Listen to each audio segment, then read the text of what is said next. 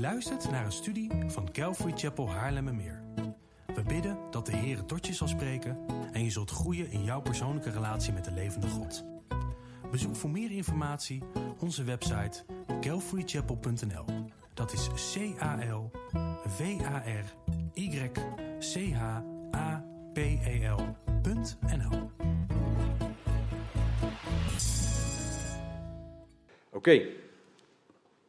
Sla alsjeblieft je Bijbel of je Bijbeldragende device open op Romeinen hoofdstuk 5. Ik had weer zo'n heel ambitieus iets toen ik begon aan de voorbereiding voor deze studie. Ik dacht, nou, misschien elf versen of zo. Ehm, is hem niet geworden. We gaan ons best doen om vier versen vandaag te doen met z'n allen. Ehm, vorige week hebben we samen Romeinen 4 afgemaakt. We hebben gekeken naar Abraham, die overtuigd was door God. We hebben gezien dat Abraham God geloofde, ondanks dat hij 25 jaar moest wachten op de vervulling van Gods belofte. En we hebben gezien dat God dingen beloofde aan Abraham en zei dat ze al realiteit waren voordat het realiteit was voor Abraham. We hebben gezien dat God buiten de tijd staat. En dat Abraham geloofde omdat hij overtuigd was door God.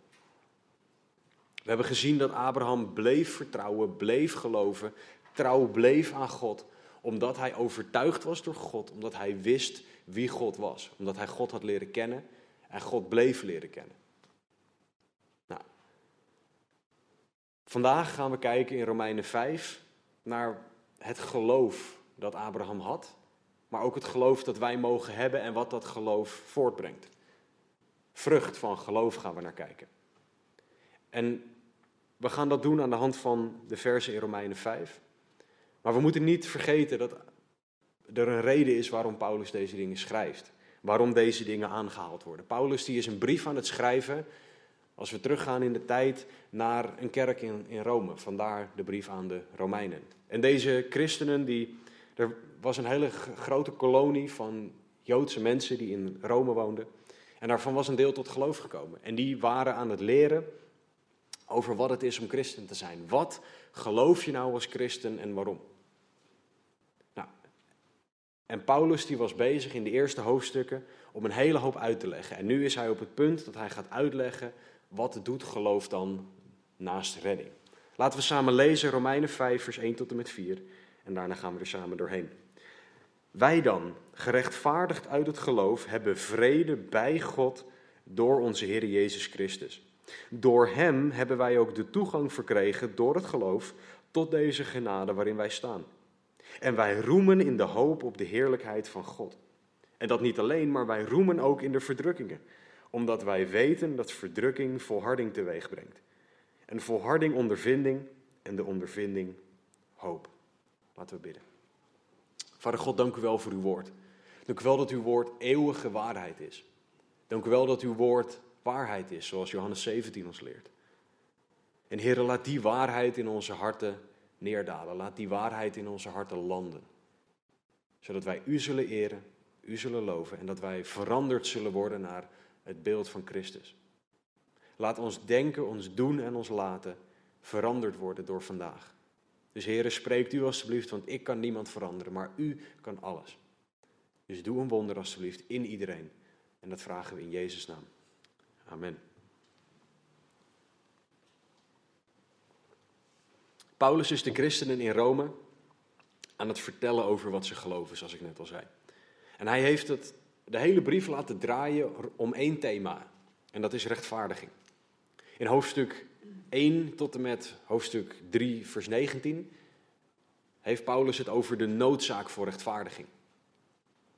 In Romeinen 3, vanaf vers 20 tot en met halverwege hoofdstuk 5, gaat Paulus het hebben over de weg naar rechtvaardiging en nou ja, de beginselen van het effect van rechtvaardiging. En vanaf hoofdstuk 5 gaat Paulus in op heiliging, vanaf hoofdstuk 9 gaat Paulus in op hoop en vanaf hoofdstuk 12 gaat Paulus in op de praktische effecten van geloof en van rechtvaardiging. En Paulus die is de christenen aan het uitleggen dat rechtvaardiging door geloof komt en wat het gevolg daarvan is. We hebben net aan de hand van Abraham gezien in Romeinen hoofdstuk 4 dat geloof de weg is naar rechtvaardiging. Dat alleen geloof dat is wat een mens kan redden. En dat alleen geloof in Jezus Christus de weg is die een mens moet bewandelen, ongeacht je afkomst, of je nou Jood bent van afkomst of niet. Dat geloof in Jezus Christus de weg is. Dat is de enige weg naar redding, is wat Paulus zegt. En dat al vanaf het begin. Maar hij gaat van, vanaf hier gaat hij laten zien dat geloof nog zoveel meer doet. Zoveel meer oplevert dan alleen redding. Want God zou God niet zijn als hij meer doet. Want God doet altijd meer. Meer dan dat wij kunnen bidden of beseffen. Nou, in vers 1 zegt Paulus het volgende. Wij dan, gerechtvaardigd uit het geloof, hebben vrede bij God door onze Heer Jezus Christus. Paulus sluit een gedeelte af. Hij, met het woordje dan zegt hij op basis van wat er hiervoor staat, hebben wij dan, of zijn wij dan gerechtvaardigd uit het geloof en hebben wij vrede. Dus hij bouwt door op wat er staat. De brief die Paulus schreef had geen hoofdstuknummers en versnummers. Dat was gewoon één hele lange brief. En Paulus die trekt dus een conclusie op basis van wat hij in hoofdstuk 4 net aan de christenen gezegd heeft. Paulus die gaat een conclusie trekken die wij goed moeten begrijpen. Maar als een goed leraar concludeert Paulus nog eventjes, hij blikt nog heel even terug op wat hij hiervoor gezegd heeft. Dus hij zegt wij dan gerechtvaardigd uit het geloof. Paulus herhaalt en herhaalt en herhaalt tot irritatie bijna aan toe. Tenminste, voor zover dit een irritant punt kan zijn. Maar dat je gerechtvaardigd wordt uit geloof. Dat je gered wordt door geloof alleen. Dat mogen wij nooit vergeten. Want anders zouden we kunnen denken dat wij het kunnen verdienen. En dat kan niet. Paulus wil dat wij dat begrijpen, gerechtvaardigd uit het geloof. En in vers 1 tot en met 4 gaat hij ons vier vruchten van geloof geven. Er zijn er meer, maar vanwege de tijd gaat het me niet lukken om daarop in te gaan. Maar het is belangrijk dat we doorhebben wat Paulus hier zegt. Want het eerste woord na de tweede komma in mijn Bijbel er staat dan, wij dan gerechtvaardigd uit het geloof hebben. En dat is een belangrijk woord. Het is belangrijk dat wij weten dat dit iets is wat nu al waar is voor ons. Net zoals dat de belofte voor Abraham, dat hij een vader van vele volken zou zijn, al waar was toen hij het misschien nog niet zag. Toen hij het nog niet begreep hoe dat zou kunnen werken.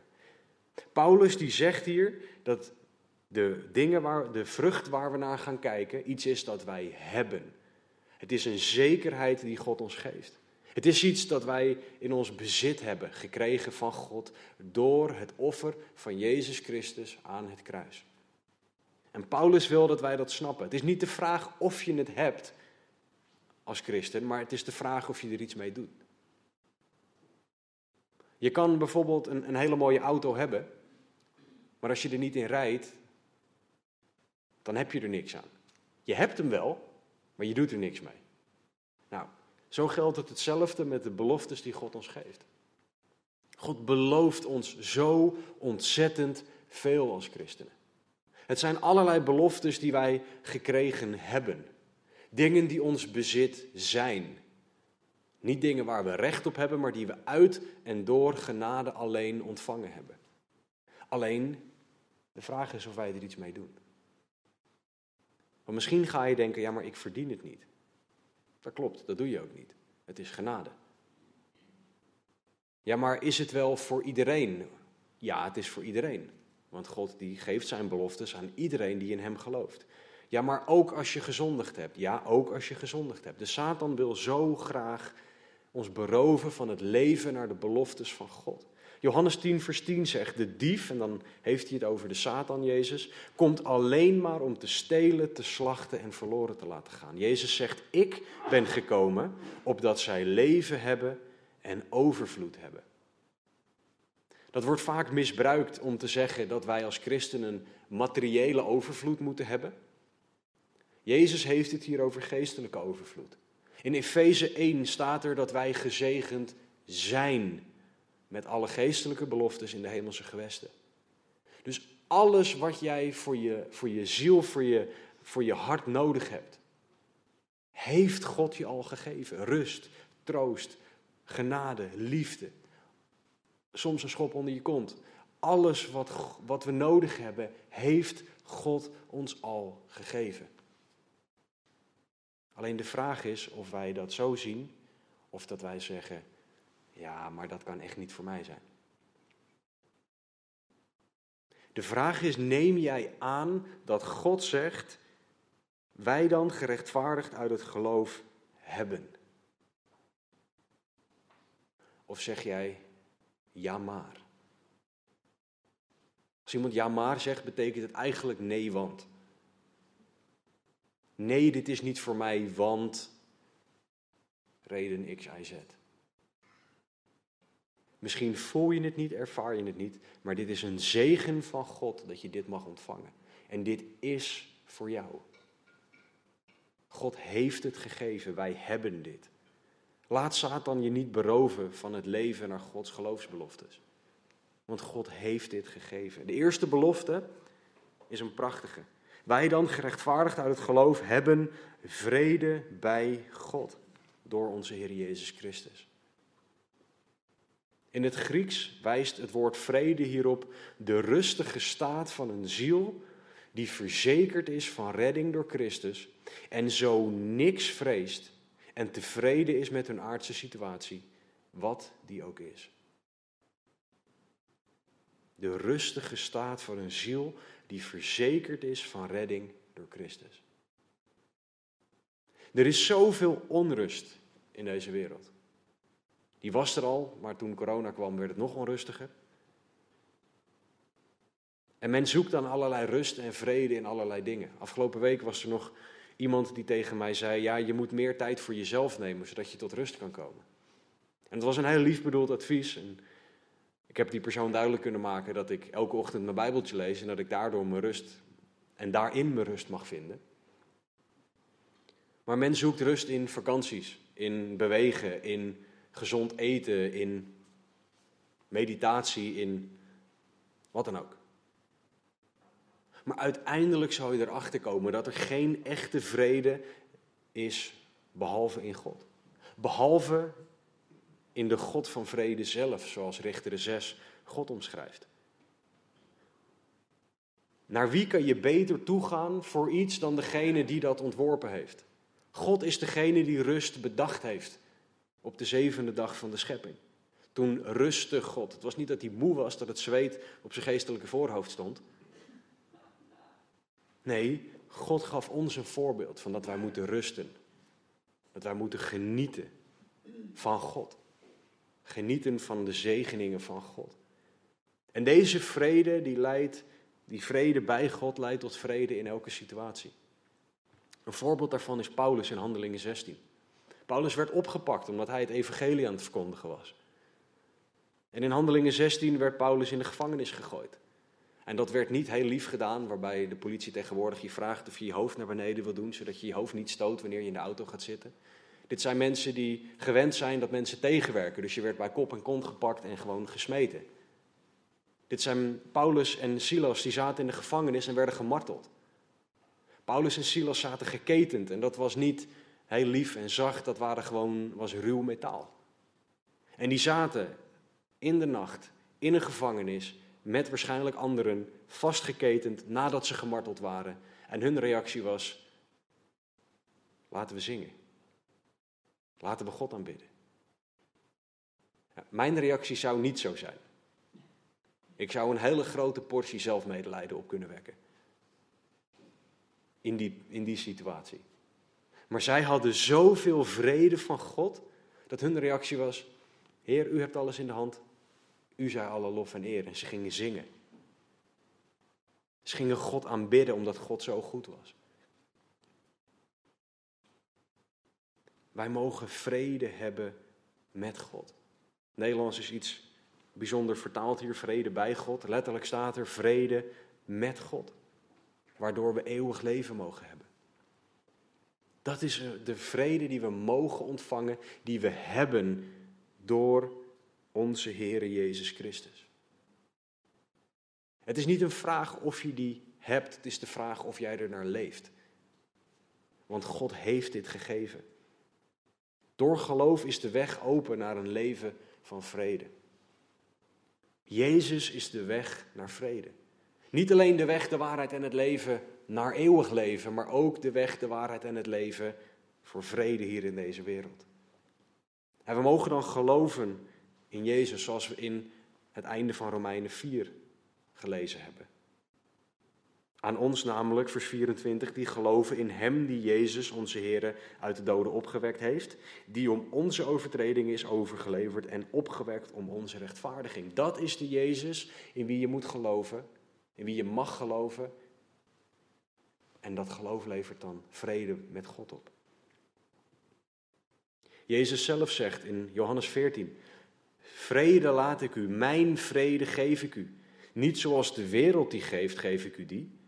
Laat uw hart niet in beroering raken en niet bevreesd worden.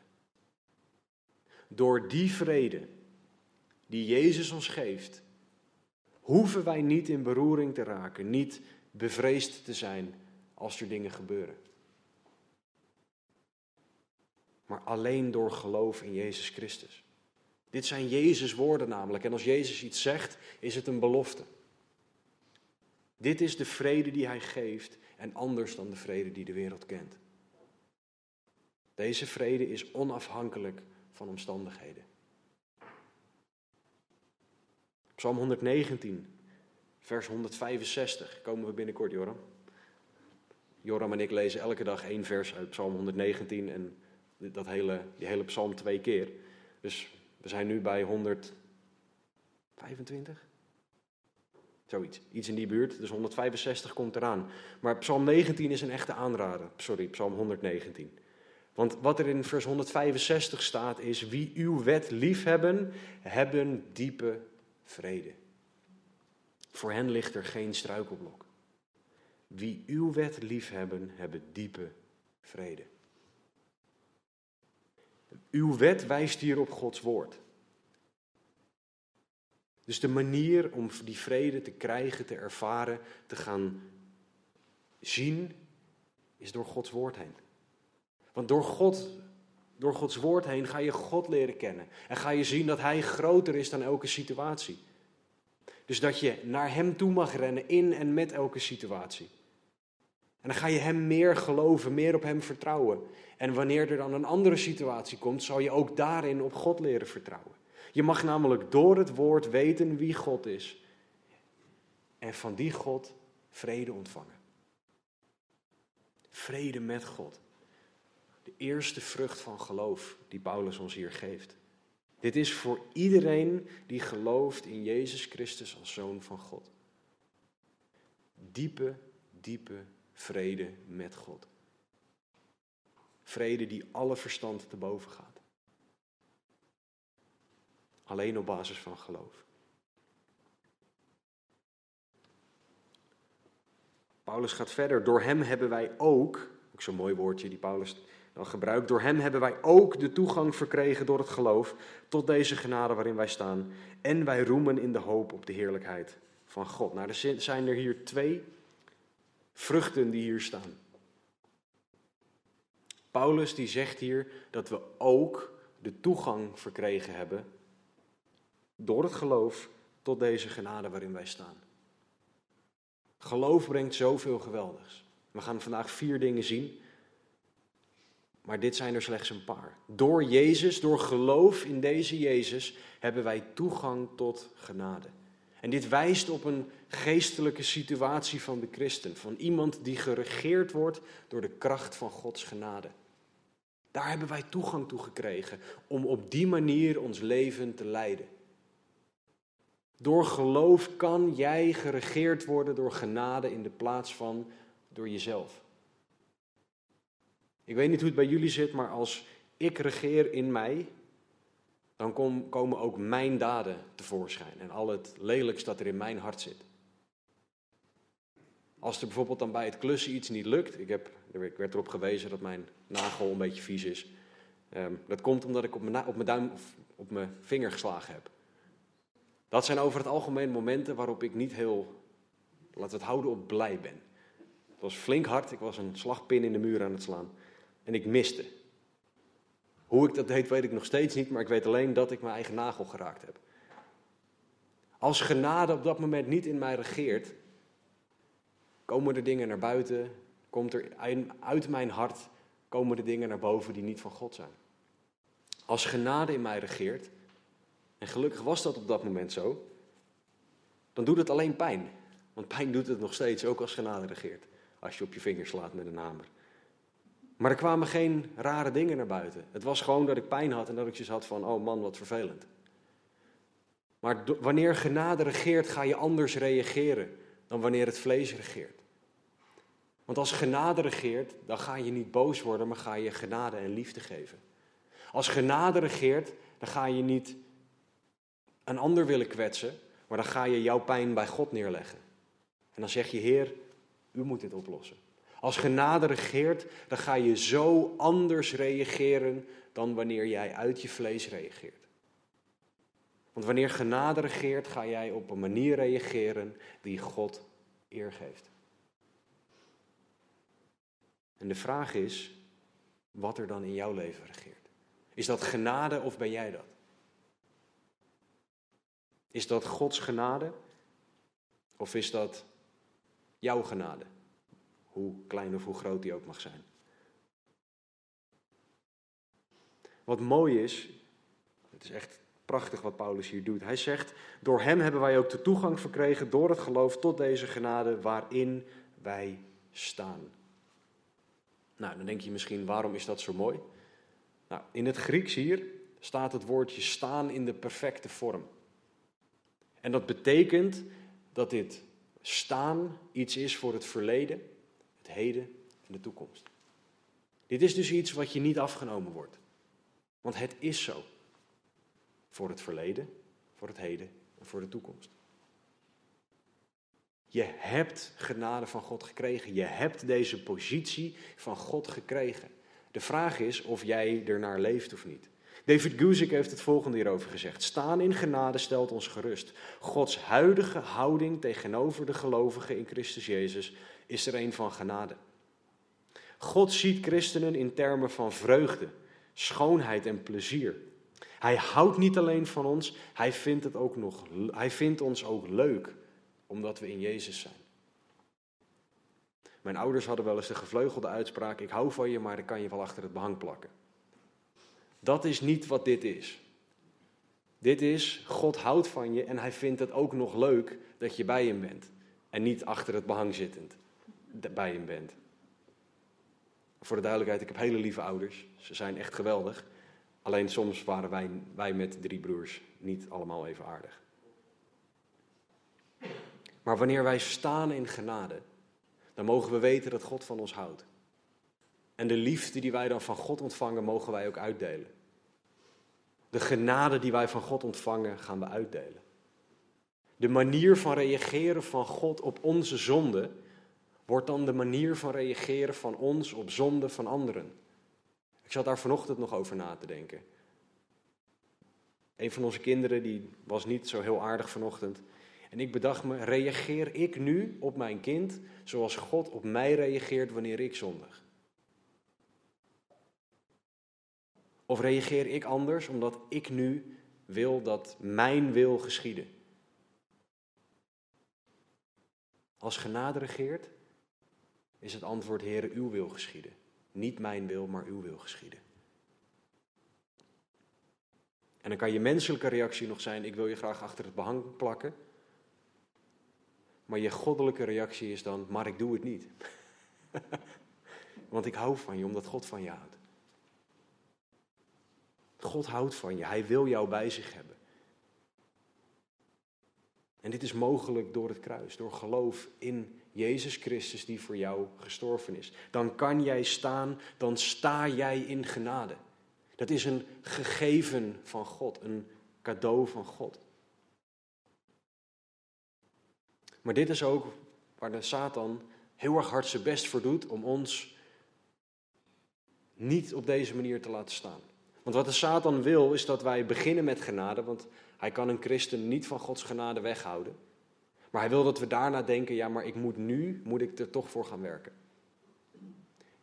En dat ziet er zo uit als in, kijk eens heer, ik ben vanochtend op tijd opgestaan om mijn Bijbel te lezen, nu houdt u waarschijnlijk meer van me. En we zeggen het niet op die manier, maar we denken dat we Gods liefde moeten verdienen door X, Y of Z te doen. Dan voelen we de druk om mensen over Jezus te vertellen, in de plaats van dat het een voorrecht is om dat te doen, omdat God van mij houdt. En dat je het beste wat jij gegeven hebt ook aan hun wil geven. Satan, de vijand, wil zo graag dat wij niet meer gaan denken vanuit de positie in genade die wij gekregen hebben, maar dat wij gaan denken vanuit, maar ik moet het nu gaan verdienen. Blijf staan in genade. Blijf staan in de toegang door genade tot genade die je hebt gekregen. Want dat is zo geweldig om daar te staan. Dat geeft zoveel rust. Dat geeft zoveel. Dat is zo'n geweldig voorbeeld naar anderen. Als jij reageert op basis van genade. Paulus gaat verder in vers 2. Hij zegt: En wij roemen in de hoop op de heerlijkheid van God. Hij roemt in de hoop op de heerlijkheid van God. Bijbelcommentator J.B. Phillips, die ook zelf de Bijbel vertaald heeft vanuit het Grieks, die vertaalt het woord hoop met blije zekerheid. Wij roemen in de blije zekerheid op de heerlijkheid van God. Dit begint wanneer je tot geloof komt. Dat je mag hopen op de heerlijkheid van God. Het is vooruitkijken naar de eeuwigheid. Het is het vooruitkijken naar op een dag zijn we hier vanaf. Heb ik niet haar dat uitvalt? Heb je niet knakkende gewrichten? Heb je geen moeite met uit je bed komen? Maar ben je in de hemel? Ben je bij God? Is alles perfect? En zal je voor eeuwig mogen genieten van Gods aanwezigheid. Dat is waar we naar uitkijken. Dat is een zekerheid, een blije zekerheid die wij hebben als christenen. Een geweldige toekomst bij God. Dat is een vrucht van geloof. Die toekomst die we mogen ontvangen. Dit is iets waarin we mogen roemen. Iets waarin we ons mogen verheugen. Omdat het gaat komen. We zijn zo ontzettend gezegend als christenen. Want door geloof, wat geen werk is, maar geloven, ontvangen we vrede, genade, hoop, een eeuwige toekomst bij God. Wat een fantastische God dienen wij. Dit zijn dingen die Hij ons gegeven heeft. Door geloof. En wij mogen daarin staan. Besef je dus, God is niet alleen gekomen om jou te redden, maar zijn liefde was zo groot dat hij je dus niet alleen kwam redden, maar dat hij je daarna ook nog eens overspoelt met golven en golven en golven van zegeningen van zijn liefde. Gezegend met alle geestelijke zegeningen in de hemelse gewesten. Dat is hoe wij zijn. Dat is hoeveel God van jou houdt. Dus als je eraan twijfelt of God van je houdt, ga zoeken naar Gods beloftes. Want dan mag je weten dat die voor jou zijn als jij in Hem gelooft.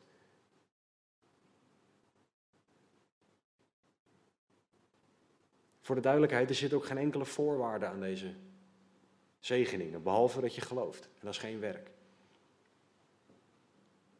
God zegt, dit is van jou, als jij gelooft. Niet wanneer jij niveau 10 bereikt hebt van gehoorzaam zijn. Of wanneer jij nou eens een keer vijf dagen achter elkaar je Bijbel gelezen hebt. Of twee dagen achter elkaar. Of überhaupt een keer je Bijbel gelezen hebt. Nee, God houdt van jou en geeft jou deze dingen. We hebben deze dingen, we mogen erin staan. Het is een zekerheid die wij hebben. De vraag is of jij gelooft. Paulus gaat verder. Vers 3. En dat niet alleen. Het wordt nog meer. God blijft zegenen. Wij roemen ook in de verdrukkingen omdat wij weten dat verdrukking volharding teweeg brengt en de volharding ondervinding en de ondervinding hoop. En hier denken wij, oh, dit vind ik niet zo leuk. Vrucht van geloof, dat moet toch iets leuks zijn? Bij vrucht, ik vind fruit vind ik heerlijk. Dus bij vrucht denk ik aan iets heel sappigs, zoets, lekkers, fijn, geweldig. En hier staat er, we mogen roemen in verdrukking. Ik ga een klein beetje vals spelen nu, want ik had gezegd dat ik vier dingen voor jullie had. Ik heb er vier die bij punt 4 horen. Dus technisch gezien heb ik er zeven, maar ik hou het bij vier. Dan mogen jullie de, de wiskundige som maken. Maar punt 4a is dat wij roemen in verdrukking. En dit vinden we niet zo leuk, omdat verdrukkingen niet zo leuk zijn. En dan moeten we ook nog zien dat het een zegen is dat we er doorheen mogen gaan. En moeten we er zelfs in roemen. In vers 2 stond het woord roemen. En dat was dat we vooruit mochten kijken naar de, het feit dat iets zeker zou komen. En nu zegt Paulus dat we dus vooruit mogen kijken naar het feit dat verdrukkingen zeker weten gaan komen. Het betekent niet dat je je moet verheugen op de verdrukking zelf, maar je mag je verheugen in of tijdens de verdrukking. 1 Thessalonicense 5:18 verwoordt het als volgt: Dank God in alles, niet om alles. Dank God in alles. Alles waar je doorheen gaat. In elke situatie is er een reden om God te danken. En meer redenen dan jij en ik samen kunnen bedenken. Misschien is het goed om gewoon een keer thuis, zelf, in de stilte, gewoon een tijd te nemen om God te danken. Bij ons is bidden soms een soort Sinterklaaslijstje indienen. Gewoon een verlanglijst neerleggen en dan zie je wel wat er komt. Bidden is ook danken. Is ook God danken voor wat Hij doet, voor wie Hij is, voor Zijn woord, voor Zijn genade, voor. Dankbare mensen zijn de beste mensen om om je heen te hebben. Mensen die dankbaar zijn voor alles dat ze hebben. En dat is wat Paulus ook zegt over de verdrukkingen. Wij mogen roemen in de verdrukkingen. En voor de duidelijkheid, we hebben het hier echt over lastige tijden. Paulus, als je in, in 1 Korinthe en 2 Korinthe leest over wat hij allemaal meegemaakt heeft. Als je in handelingen ziet wat de apostelen meemaken. Als je bedenkt dat geen van de apostelen een vredige dood gestorven is op Johannes na. Omdat ze gevierendeeld, ondersteboven gekruisigd, in olie gekookt, eh, et cetera zijn. En toch mogen wij roemen in de verdrukkingen. Ondanks dat wij niet dingen op die schaal meemaken. Wij mogen roemen in de verdrukkingen die wij hebben meemaken. Jezus zegt in Johannes 16:33 dat verdrukkingen gaan komen. En het woord voor verdrukking dat Jezus gebruikt is hetzelfde woord voor verdrukking dat hier staat. En dat heeft het idee van iets in elkaar drukken. Jezus zegt dat verdrukking gaat komen. En je kan er niet omheen, maar in geloof mag je er doorheen. Want we mogen weten dat in verdrukkingen God met ons bezig is. Want God wil dan dat we meer op Jezus gaan lijken. In moeilijke tijden, wanneer wij in elkaar gedrukt worden, gaat er namelijk uitkomen wat erin zit. En dat is niet altijd mooi. Dan gaat er uit jou komen wat er in jou zit. Als er woede in jou zit, gaat er boosheid uitkomen. Als er bitterheid in jou zit, gaat er bitterheid naar buiten komen. Als er jaloezie in jou zit, gaat er jaloezie naar buiten komen. En ga zomaar door en ga zomaar door. Wat er ook in jouw hart zit, door verdrukking komt dat eruit. En God wil dat door die verdrukking die dingen eruit komen en dat Hij ons daarna kan opvullen met zijn geest. Zodat we staand in genade mogen gaan reageren zoals Hij wil. En dat wanneer er een andere verdrukking komt, dat de Heilige Geest naar buiten komt. Voor de duidelijkheid, God doet dit niet voor zijn lol. Het is niet alsof God in de hemel klaar zit en denkt: Ik ga eens even vandaag iemand verdrukken. Zo werkt het niet. God is een God die huilt met ons wanneer wij huilen. Die elke traan die wij laten telt. God is een God die lacht wanneer wij lachen, ook als wij denken dat we, dat we een grap maken die niet grappig is. En daar ben ik vaak schuldig aan. God die huilt en lacht en gaat met elke emotie met ons mee. Hij is bij ons. Dus hij vindt het niet leuk dat wij door pijn heen moeten gaan. Maar soms is pijn de enige manier om iets te leren. Ik weet nog dat ik een keer bij iemand thuis was. Toen was ik nog een, een heel klein, heel schattig jongetje. En er stond een warm strijkijzer. En ik dacht, strijkijzers zijn niet warm. Ik heb door mijn hand erop te leggen geleerd dat ik dat nooit meer moest doen. Soms leer je door pijn bepaalde dingen af. Zo werkt het soms. Door verdrukking worden dingen uit ons gehaald, leren wij om bepaalde dingen niet meer te doen. En de, het roemen en het blij zijn erin zit dan in het feit dat we weten, Heer, u bent bezig. En ik kom hieruit meer op Jezus lijkende. Maar het is wel een keuze. Want wat wij uit onszelf willen is zeggen, oh wat ben ik zielig. En misschien verwoord je het niet zo, misschien voel je het zo of verwoord je het anders. Maar het komt er uiteindelijk op neer dat wij willen dat mensen ons zielig vinden of dat God ons zielig vindt. Of dat we medelijden willen of dat we eruit gehaald willen worden. Uit onszelf is vaak ons eerste gebed, Heer, red mij uit deze situatie. In de plaats van, Heer, wat wilt u mij door deze situatie leren? Het roemen in de verdrukking is een keuze. Iets waarin je de leiding van de Heilige Geest nodig hebt. En je mag vragen, Heilige Geest, leid mij om hier wijs mee om te gaan. Want anders zal jij de zegen van de verdrukking missen. En zal jij weer opgevuld worden met de dingen van jezelf, in de plaats van met de dingen van God. Paulus gaat verder. Wij weten dat de verdrukking volharding teweeg brengt. Punt 4b. De grootste zegen van verdrukking is volharding, denk ik. En in het Grieks is dit het woord hypomone, wat bestaat uit twee woorden, hypo en mone. Ik vind dit interessant, dus mogen jullie meeluisteren. Het woord hypo betekent onder en het woord mone betekent verdragen. En het idee is dat jij onder iets zit dat je verdraagt. Dat is wat volharding betekent. Het betekent dat je soms een last op je schouders hebt liggen, maar dat je moet leren om die te verdragen. Ook als het pijn doet. Doorzetten, ook als je het niet meer ziet zitten. Volharden in geloof. En hoe ziet dat eruit? Nou, heel simpel. Soms. God vertrouwen. Heer, ik vertrouw u. Ik weet niet hoe het eruit ziet. Ik weet niet hoe dit meehelpt. Maar u gaat dit doen medewerken ten goede. Maar ook leren doorzetten in je Bijbel lezen. Heer, ik, ik haal er niks uit. Het is zo droog af en toe. Ja, dat mag ook gezegd worden. Soms vinden we de Bijbel heel droog. Misschien ben ik de enige, maar dan is dit een bemoediging voor mezelf. Doorzetten in bidden, volharden in bidden. Heer, ik hoor niks terug. En ik bid nu al vijf minuten. Volharden in de samenkomsten.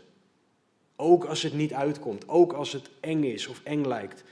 Volharden in het aanbidden, volharden in de dingen doen die God in het woord opdraagt. Dat is onder andere wat gewoon simpel volharden in geloof is. Doen wat God zegt, ook al begrijp je misschien niet hoe hij dit doet medewerken ten goede, maar je weet wie God is. En daarom volhard je. Door geloof weet je dat deze lastige situatie iets goeds voortbrengt. En als christenen, zeker in onze magnetronmaatschappij, waarin volharden twee minuten is, en drie minuten misschien, en misschien een kwartier, maar zoals Abraham 25 jaar volharden, dat zit er voor ons niet in, want dat vinden we veel te lang. Even overdreven. Maar volharden in geloof, dat vinden we helemaal niks. Want wij willen het nu.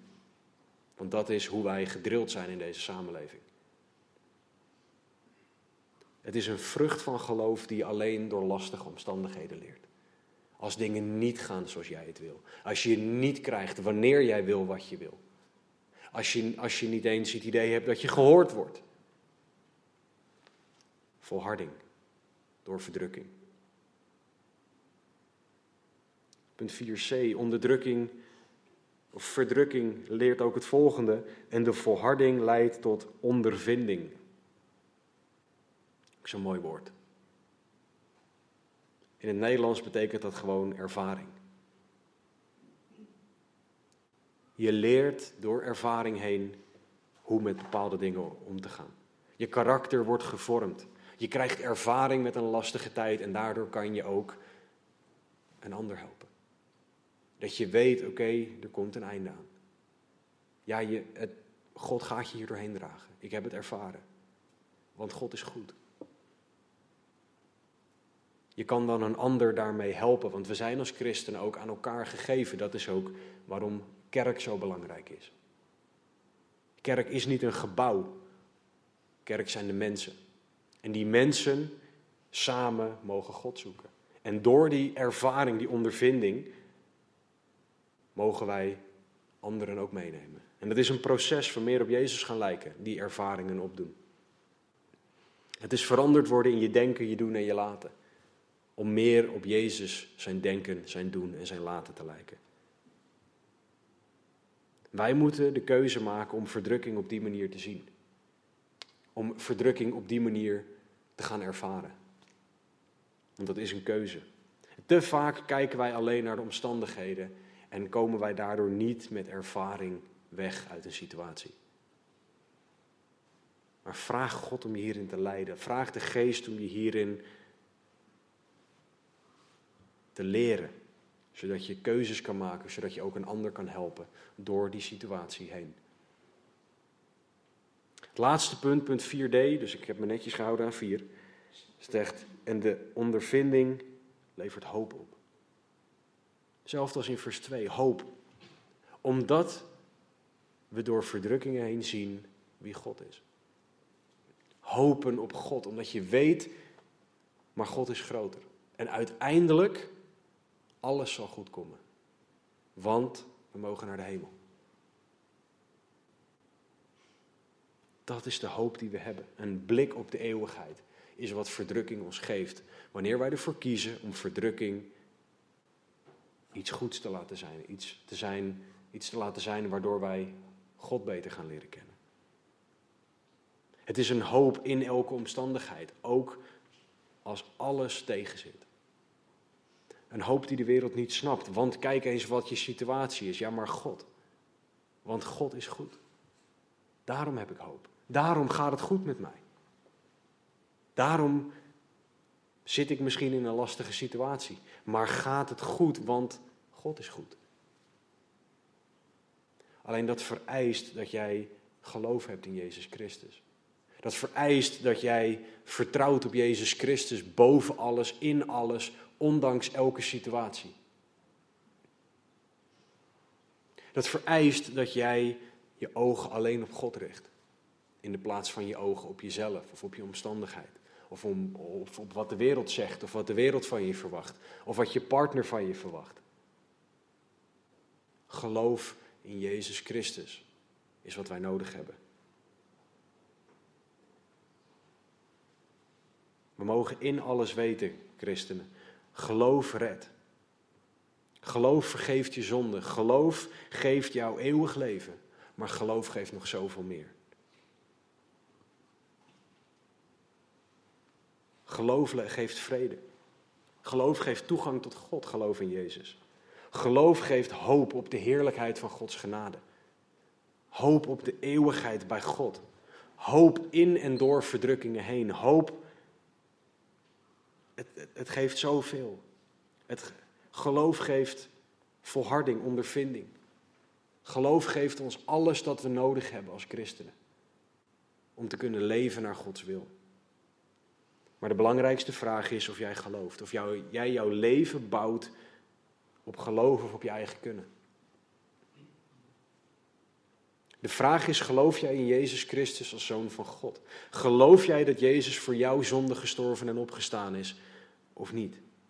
Als jij gelooft, heb jij toegang, heb jij tot genade, heb je vrede, hoop, heb je, kun je roemen in verdrukking, etc. Maar de vraag is, geloof jij in Jezus Christus? Als niet, geloof vandaag. Ook jullie die meekijken, geloof jij in Jezus of niet? Vandaag is de dag van redding. Dus kies er vandaag voor om te geloven in Jezus Christus. En je zal gered worden en al deze dingen zullen van jou zijn. Maar christen, hoe zit het met jouw geloof?